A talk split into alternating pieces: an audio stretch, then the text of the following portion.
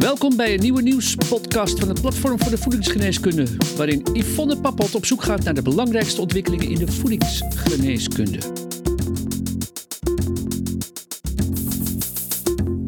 Hallo professionals, welkom weer bij de wekelijkse nieuwspodcast van Voedingsgeneeskunde. Met deze podcast inspireren we jou over de rol van leefstijl, voeding en specifieke nutriënten in relatie tot gezondheid en ziekte. Ik ben Yvonne Pappels en voor vandaag hebben we een speciale gast. Ik ga namelijk in gesprek met diëtist Ellie Kaldenberg. Aanleiding om haar te interviewen is dat ze samen met Gerda Pot afgelopen maand het boek Het ritme van eten heeft gepresenteerd. Nou, ik vind het echt een heel mooi boek over de biologische klok, chronotypes en niet onbelangrijk het chronovoedingsplan. Want wist je dat in Nederland ongeveer 1,2 miljoen mensen s'nachts werken? En dan is er ook nog iets zo dat nog veel meer mensen onregelmatig leven en vaak ook onregelmatig eten.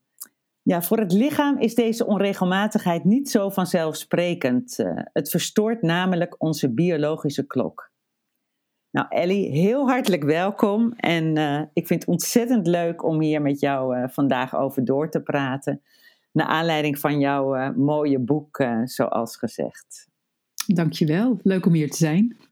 Ja, ja allereerst, hoe ben jij nou eigenlijk zo in dit onderwerp verzeld geraakt? Oh, dat is, dat gelijk ook een hele mooie vraag.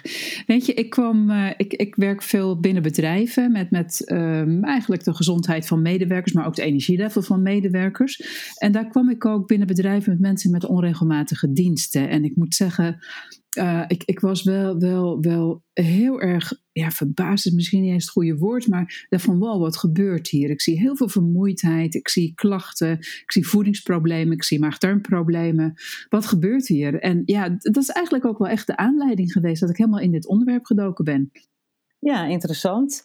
Ja, en die biologische klok, dat bioritme, ja, kun je daar wat meer over vertellen? Wat, wat heeft uh, onregelmatig leven en ook eten uh, als invloed zeg maar, op die biologische klok? De biologische klok, ja. Nou weet je, uh, ik denk ook allereerst, je, moet vooral over biologisch ritme praten. Want bioritme kan, echt alle kanten op gaan. Maar we hebben een biologische klok, hebben we allemaal. En die biologische klok is eigenlijk maar een heel klein klompje met cellen in je hersenen. Uh, maar, de werking is heel groot. We hebben een hele belangrijke taak, die, die cellen. En die regelen eigenlijk uh, ja, het ritme van het lichaam. Eigenlijk geeft hij aan hoe laat het is voor je lichaam en uh, ja, eigenlijk uh, alles, uh, alle activiteiten in ons lichaam hebben een optimaliteit. En optimaliteit. En dat wordt geregeld door die biologische klok. Dus denk bijvoorbeeld aan uh, de spijsvertering heeft een heel mooi dag-nachtritme. dus uh, overdag zijn je, zijn je darmen actief, is je spijsvertering actief, in de nacht is dat minder. Nou, natuurlijk je slaap-waakritme, dus, dus je wordt op een bepaalde tijd wakker en je gaat ook weer op een bepaalde tijd slapen. Wordt ook geregeld door de biologische klok, of met name geregeld door de biologische klok. Maar ook hormonen worden geregeld door die biologische klok. En um, je lichaamstemperatuur die is overdag hoger dan, dan s'nachts. Nou, dat is ook wel heel handig, want uh, dan kun je beter slapen s'nachts. Weet je, er zijn heel veel functies uh, die, die geregeld worden door de biologische klok. Ja, en dan zijn er ook verschillende chronotypes. Eh, de vroege ja. vogels, nachtuilen, dagdieren ja. beschrijf je ook in je boek. Ja. Wat voor chronotype ben jij eigenlijk? ik, ja, ik, ik ben echt een nachtuil. En uh, dat is wel heel grappig, want ik heb samen met Gerda geschreven. Gerda is echt een vroege vogel. Um, en dat, dat ook wel, die vraag krijg ik heel vaak van... Ja, maar het is toch een beetje onzin, weet je. Je wekker bepaalt toch wat voor, wat voor type mens je bent. Nee, dat is niet zo. Dat, dat wordt echt wel uh, door je genen bepaald het is wel zo dat je niet je hele leven hetzelfde chronotype hebt. En nee. uh, dat verandert. Nou, luisteraars herkennen jonge kinderen die, die heel vroeg zijn altijd. Pubers die hun bed niet in en hun bed niet uit willen komen. En um, ja, ik, ik, ik denk ook als je nu kijkt. Vroeger was ik nog meer een avondtype. En dat ben ik nog steeds wel, maar ik kan niet meer zo lang uitslapen. Weet je, dus dat, dat is de factor leeftijd die meespeelt. Ja, ja. Ja, en wat kunnen we er dan mee met voeding? Hè? Als je het dan hebt over de problemen die, uh, die ermee gepaard gaan, uh, zoals vermoeidheid, et cetera, waar mensen mee te maken hebben als ze ja. onregelmatig werken of leven. Ja. Dat chrononutrition, uh, Ja, ja, kijk, weet je, uit, uiteindelijk, uh, het woord chrono is eraan toegevoegd. Hè, en dat betekent tijd. Kijk, tuurlijk is het heel belangrijk wat je eet. Maar niet alleen dat, het is ook belangrijk wanneer je eet. En hoe vaak je eet bijvoorbeeld. En wat is het tijdstip op de klok dat je eet. En uh, wat we met name zien bij mensen die onregelmatig werken, is, is dat ja, die hele voeding ook helemaal door, door de war raakt. En uh, bijvoorbeeld, uh, um, als je een hele vroege dienst hebt en je, je moet om half vier je bed uit s morgens, nou dan staat je spijsvertering nog volledig in slaapstand. En uh, ja, als je dan op dat moment een groot bord havermoutpap erin uh, in stopt, bij wijze van spreken, dan reageert jouw lichaam daarop. En niet heel erg positief. En aan de andere kant weten we ook dat wanneer je bijvoorbeeld heel moe bent, dat je veel meer trek hebt en veel meer eetlust hebt. Dus uiteindelijk uiteindelijk um, die onregelmatige diensten verstoren dus heel erg je biologische klok.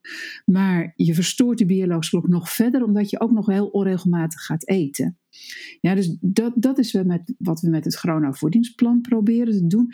Eigenlijk een soort van regelmaat terug te krijgen.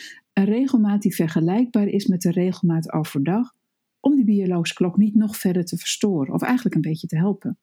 Ja, kun je misschien nog een voorbeeld noemen van hoe je dat dan toepast eh, in de praktijk? Ja, zeker, zeker, zeker. Kijk, want als je bijvoorbeeld, uh, nou, ik zei net al, s'nachts staat die spijsvertering op slaapstand. Mm. Ik krijg overigens heel vaak de vraag, de mensen zeggen, ja, maar als ik toch wakker ben, dan draait die spijsvertering om. Nee, die draait niet om. Dus um, als je dan aan het werk bent, en, en zeker als je buiten aan het werk bent, dan denk je, oh, ik moet een flinke maaltijd s'nachts hebben, dan kan ik er nog wel heel erg tegen. En juist die flinke maaltijd, die valt als lood op je maag.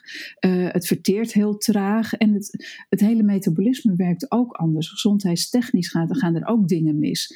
Dus eigenlijk, ja, dan heb je al die belasting van die biologische klok, uh, van, van dat nachtwerk. En je belast dan nog veel meer door dat eten. En ja, weet je, ik denk al, als ik al zeg dat, dat tussen de 55 en 80 procent van de medewerkers die s'nachts werken, ervaren maag-darmproblemen. Nou, dat is eigenlijk al iets wat we proberen met het Corona Voedingsplan natuurlijk te verminderen.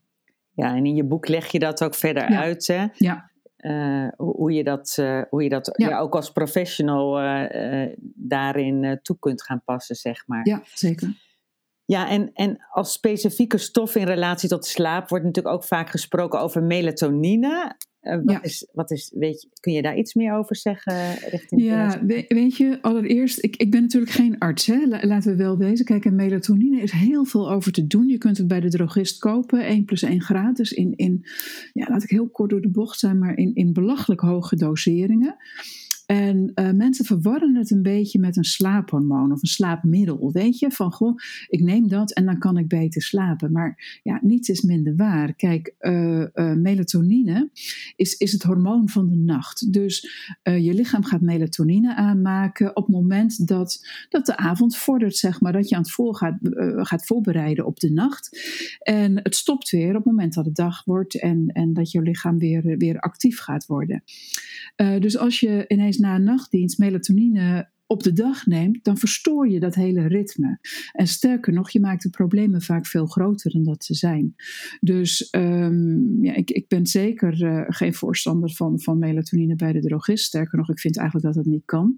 En um, als dat gebruikt wordt, en, en, in sommige gevallen heeft het best wel hele goede werkingen, dan moet het eigenlijk altijd uh, samen met een arts. En kijk, je moet altijd eerst bepalen hoe zit jouw eigen melatoninespiegel in elkaar. En ja, weet je, je moet ervan uitgaan. Wij, wij als mens maken ongeveer 0,3 tot, nou, laat max 1 milligram melatonine aan. Dus een dosering van 5 of 10 milligram bij de, bij de drogist, ja, verstoort alleen maar. Nou is uh, het als supplement wel aan banden gelegd qua dosering. Hè? Maar duidelijk is dat uh, dat het een, een, goede begeleiding vraagt als het uh, ingezet wordt. Uh, ja. Andrea ja. van Vuren heeft nog voor voedingsgeneeskunde ook een interessant artikel over melatonine ja. geschreven. Dat kunnen we openstellen op de website ook. Ja, en, daar komt ook wel een beetje hetzelfde uit, hè? Ja, ja. ja. En, en cafeïne, ook nog zo'n stof.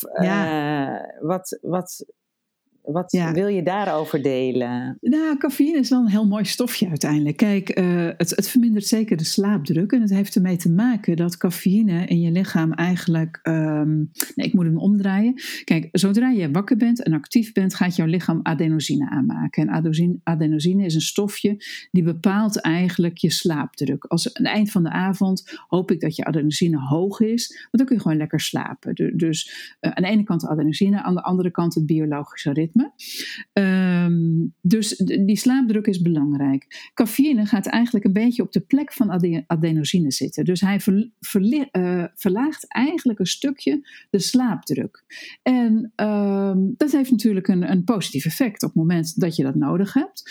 Maar het kan je ook wakker houden als je juist wil slapen, omdat die cafeïne een hele lage halfwaardetijd heeft. Dus het blijft heel lang in je bloed zitten. En bij sommige mensen is dat wel echt richting de vijf uur.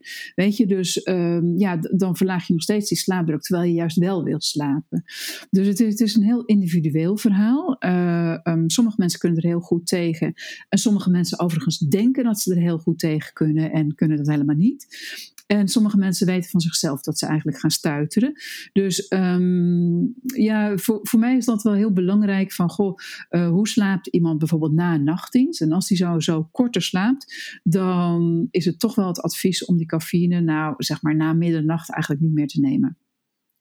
Oké, en zijn er verder nog specifieke voedingsmiddelen of stoffen die je zou willen benoemen? Bekend is natuurlijk... Uh, uh, een, een, een, warme melk voordat je gaat slapen. Ja, absoluut. Ja, absoluut. Bananen. Precies. Ja, ja, ja, ja. Nou, ik heb het laatst uitgerekend. Je moet, ik weet niet eens meer echt uit mijn hoofd, maar volgens mij tussen de 50 en 100 bananen eten. Uh, wil dat eigenlijk uh, de hoeveelheid melatonine produceren uh, via een omweg om in slaap te vallen? Nou, ik kan je vertellen, met 100 bananen ga je nooit slapen. Dus nee, weet je, daar zit het niet in. Kijk, en die bekermelk, melk, warme melk met honing, die heeft wel een ander effect. Hè?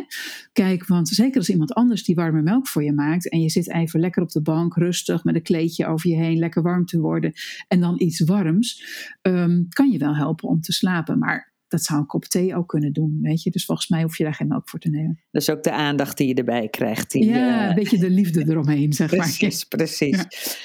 Ja. Uh, heb jij tot slot nog een boodschap voor de luisteraar, uh, Ellie? Ja, nou weet je, um, ik, ik heb het heel vaak over regelmaat. En, en uh, regelmaat is, is natuurlijk ook altijd een beetje, een beetje oudbollig uh, iets, zeg maar. Maar toch is die regelmaat in eetpatroon, um, ook voor de mensen die niet onregelmatig werken, um, super belangrijk om die, die werking van die biologische klok goed te houden.